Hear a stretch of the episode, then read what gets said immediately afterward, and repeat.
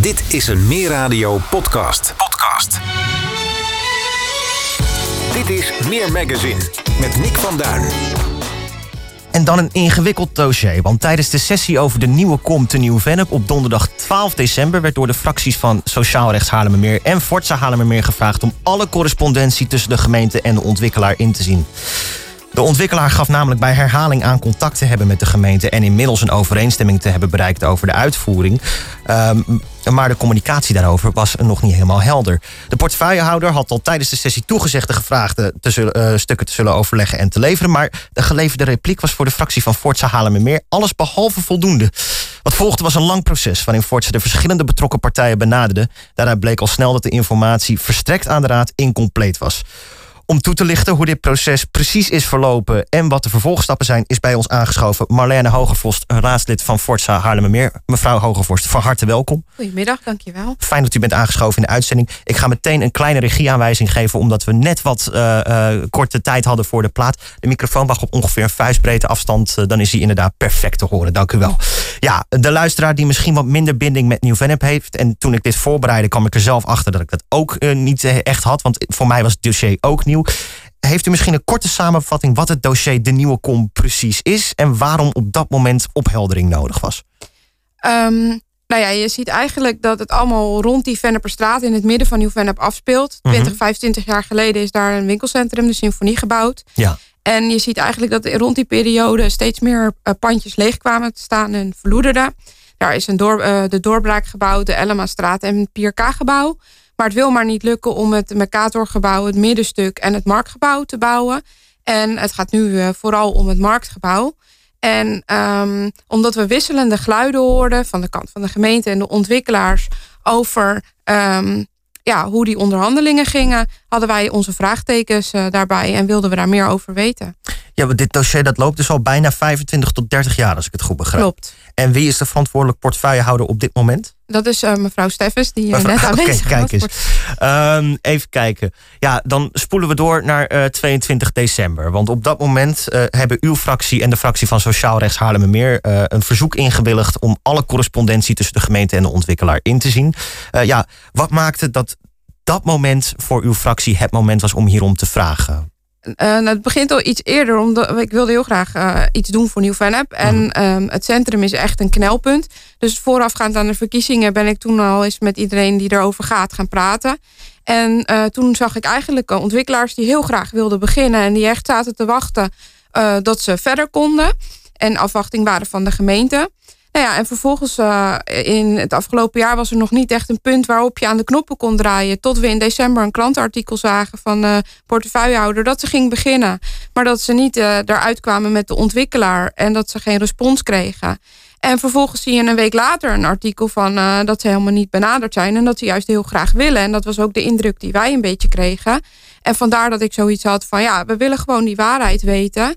Dus we willen gewoon uh, de correspondentie zien en zien waar het is misgegaan. Dus uw constatering was eigenlijk dat de twee communicatiestropen parallel langs elkaar heen liepen in plaats van dat ze kruisten, om het zo te zeggen. Precies. Oké, okay, uh, en op een gegeven moment komt dan die vraag op 22 december. Wij zouden graag de correspondentie in willen zien. Welke respons gaf de gemeente daarop? Um, nou, in de sessie zelf was de portefeuillehouder wel van, nou, uh, dat gaan we, daar gaan we voor zorgen. Dus dat was heel erg fijn. Wat ik wel een beetje merkte was uh, dat het raadslid van uh, de HAP heel erg probeerde de uh, portefeuillehouder van de HAP te beschermen. En dat ging er best wel heftig aan toe, waardoor ik, ja, ik had het gevoel van hey, er is hier meer aan de hand en dat wilden we onderzoeken. Maar daardoor had ik helemaal zoiets van hey, hier klopt iets niet. Dus dat was wel een beetje de reden dat, uh, dat we echt wel die correspondent. Ja, dat we. De wethouder was heel erg van nou, we, we gaan ervoor zorgen.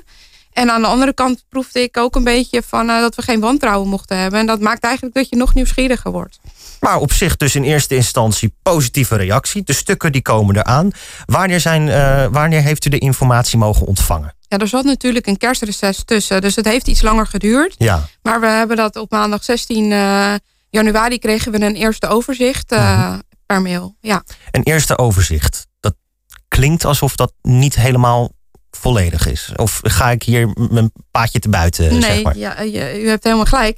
Uh, we hadden gevraagd om de correspondentie. En op 16 januari kregen we eigenlijk een overzichtje van momenten dat de correspondentie was geweest. En, en nou, ons inziens waren dat 20 momenten. Nou, we praten over een dossier van jaren. Dus dat vonden wij heel, uh, ja, niet heel. En uh, wij hebben dus ook direct gereageerd van ja, we willen de correspondentie zelf. En we willen alle correspondentie. Dat is op zich wel opvallend. Dus 20 contactmomenten over 20 jaar tijd. En de inhoud, als ik het goed begrijp, van de correspondentie, die ontbrak op dat moment. Ja, dat klopt. Wat zijn toen de vervolgstappen geweest? Uh, nou ja, wij hebben dus gelijk gereageerd dat we de hele correspondentie wilden. Mhm. En uh, nou ja, drie dagen later, op 19 uh, januari, moest er ook over gestemd worden. Dus ja, dat is vrij kort om en al die correspondentie in te zien en te stemmen. Dus we hebben toen 19 januari geprobeerd om het van de stemmingenlijst af te krijgen. En dat is helaas niet gelukt. En ik heb begrepen, als ik me niet vergis, dat 19 januari ook het moment is dat de inhoud van de correspondentie geheim verklaard is. Wat moet ik me daar precies bij voorstellen? Um, dan mag je de informatie als uh, beëdigde raadsleden en fractieassistenten bekijken. Maar je mag er niks over delen. Het is geheim verklaard. Oh zo, maar de ja. raadsleden hebben dus wel de mogelijkheid om het in te zien. Dat klopt. Oké. Okay. Alleen als je natuurlijk het inziet en je ontdekt iets wat niet klopt, dan kun je er niks mee omdat het geheim verklaard is ik snap dat je er niet mee naar de journalistiek kan, om het zo te zeggen. Maar je kan het, neem ik aan, onderling politiek uh, wel bespreken. Of in een vergadering opbrengen. Dat wel, of... maar soms is dat niet voldoende als je ergens achterkomt. wat niet helemaal uh, struist met hoe het zou gaan. Oké, oké. Okay. Nee, helder. helder. Uh, er op, komt op een gegeven moment een moment. waarop de raad de documenten dan in kon zien bij de Griffie. ja.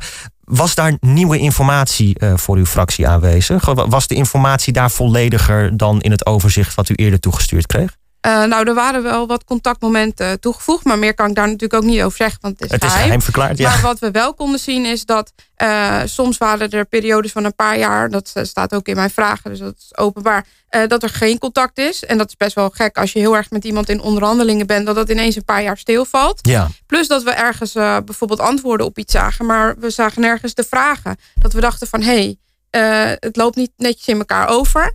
Nou ja, en ik zag er ook steeds een, een, een, een naam in terugkomen. Dat ik dacht, hé, hey, die onthoud ik even.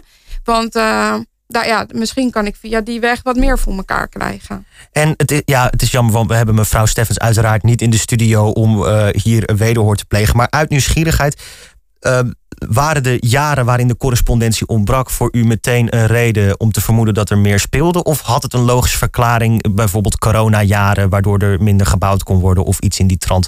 Uh, of speelde dat geen rol? Ja, ik snap dat het ook lastig is om hier uitgebreid over uit te laten in verband met, een geheim, uh, met het feit dat de informatie geheim verklaard is. Maar kan u daar iets over zeggen? Nou, ik wil wel erbij zeggen van mevrouw Steffens is nu verantwoordelijk. Maar dat is pas sinds juni zo. Ja. Dus alles wat er daarvoor gebeurd is, ja, daar is er nu natuurlijk wel het aanspreekpunt voor. Ze is maar politiek daar... verantwoordelijk, maar niet de, uh, ja, degene, de initiator, om het zo te precies. zeggen. Ja. Dus ik vind het erg lastig om daar uiting over te doen. Um, want er kan ook iets misgaan zijn in de overdracht. Of tussen de. Want er zijn, het is een langere periode, dus er zijn meerdere wethouders verantwoordelijk voor geweest. Snel uitgerekend, zo ja. vijf als ik me niet vergis. Uh, ja, ja, als en, er niet meer zijn. Precies.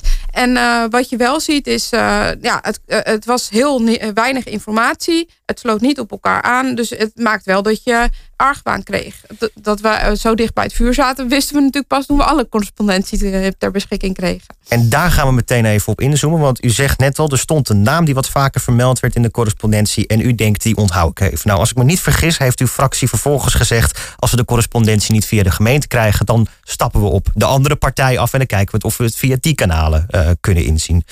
Wat is daar uitgekomen? Nou, ik heb, uh, we hadden al een beetje contact gehad met één ontwikkelaar, uh, meneer Bakker. Mm -hmm. um, omdat we tijdens de campagneperiode natuurlijk gevraagd hebben van wat is uw verhaal? En uh, na de krantenartikelen in december ook van goh, leg het nog even aan ons uit hoe, voor, als voorbereiding om de sessie in te gaan. Dus die heb ik opgebeld en gevraagd van goh, met wie werkt u altijd samen? Nou, die noemde toen precies die naam, want ik mocht natuurlijk zelf de naam niet noemen, maar als meneer Bakker hem noemt, dan mag dat wel. En toen heb ik gevraagd van, goh, mag ik met die persoon van u in contact? En toen heb ik het telefoonnummer gekregen van meneer Bakker. En toen ben ik die persoon gaan bellen. Nou ja, nu die zelf uh, alle correspondentie heeft gezegd, mag ik de naam ook noemen. Ah. Dat is meneer Van Nieuwkoop. En meneer Van Nieuwkoop bleek heel secuur te zijn. En die zei, ja, maar alles wat wij ooit met de gemeente gedaan hebben, dat heb ik gewoon netjes bewaard. En dat mag je gewoon inzien. Kijk, nou, dat is mooi dat dat uiteindelijk is gebeurd. Ik probeer heel even een tijdlijn te schetsen. Dus 22 december uh, is hierom gevraagd. 16 januari kwam er een eerste overzicht. 19 januari was er een uh, geheim uh, was er een stemming waar uiteindelijk de inhoud geheim is verklaard. Ja. Op een gegeven moment was er tussen 19 januari en dit moment, wat als ik me niet vergis 24 januari is geweest, was daar nog een moment waarop de, de gemeente een bepaald aantal stukken inza ter inzage heeft aangeboden. En als ik, me, als ik het goed heb, maar ik moet heel eerlijk bekennen dat ik de tijdlijn ook een klein beetje kwijt begin te raken, was er 26 januari een afspraak tussen uw fractie en wethouder Steffens om hierover te praten. Ja. Is heeft die afspraak uiteindelijk plaatsgevonden? Is dat doorgegaan? En wat is er toen gebeurd met de nieuwe informatie die op 24 januari uh, bij uw fractie terecht is gekomen? Uh, nee, de afspraak heeft niet plaatsgevonden. We kregen natuurlijk 16 januari een overzichtje. 19 ja. januari werd het geheim verklaard. En toen mochten we het ook meteen inzien. Okay. Um, toen heb ik gelijk de volgende ochtend uh, gebeld met meneer Bakker en dus meneer Van Nieuwkoop. Toen heeft er op 24 januari inderdaad een afspraak plaatsgevonden met de ontwikkelaars. Waarin we al die correspondentie hebben doorgenomen. Nou ja, toen hadden wij een hele berg vragen. Dus die hebben we toen uh, gesteld en ingediend 25 januari.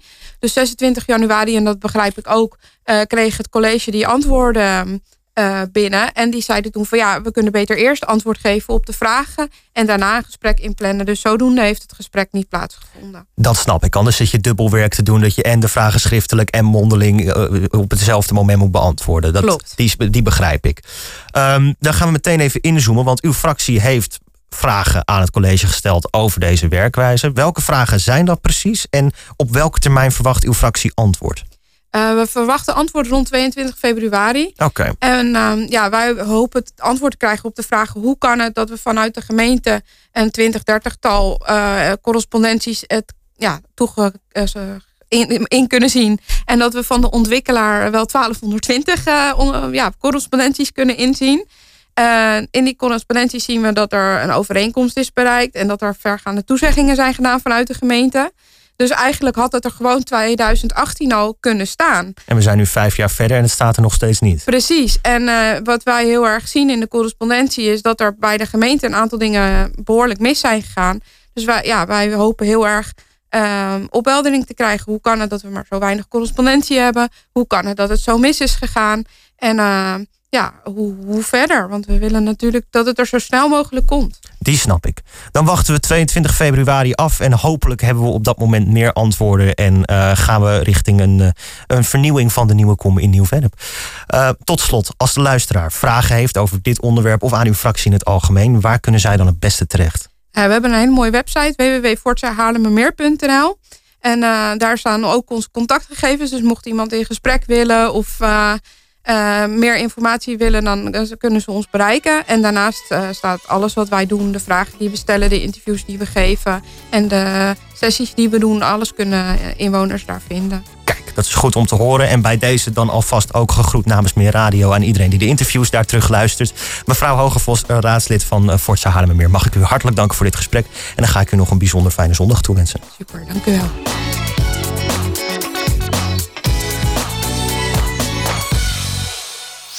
Meer magazine, meer radio Haarlemmermeer.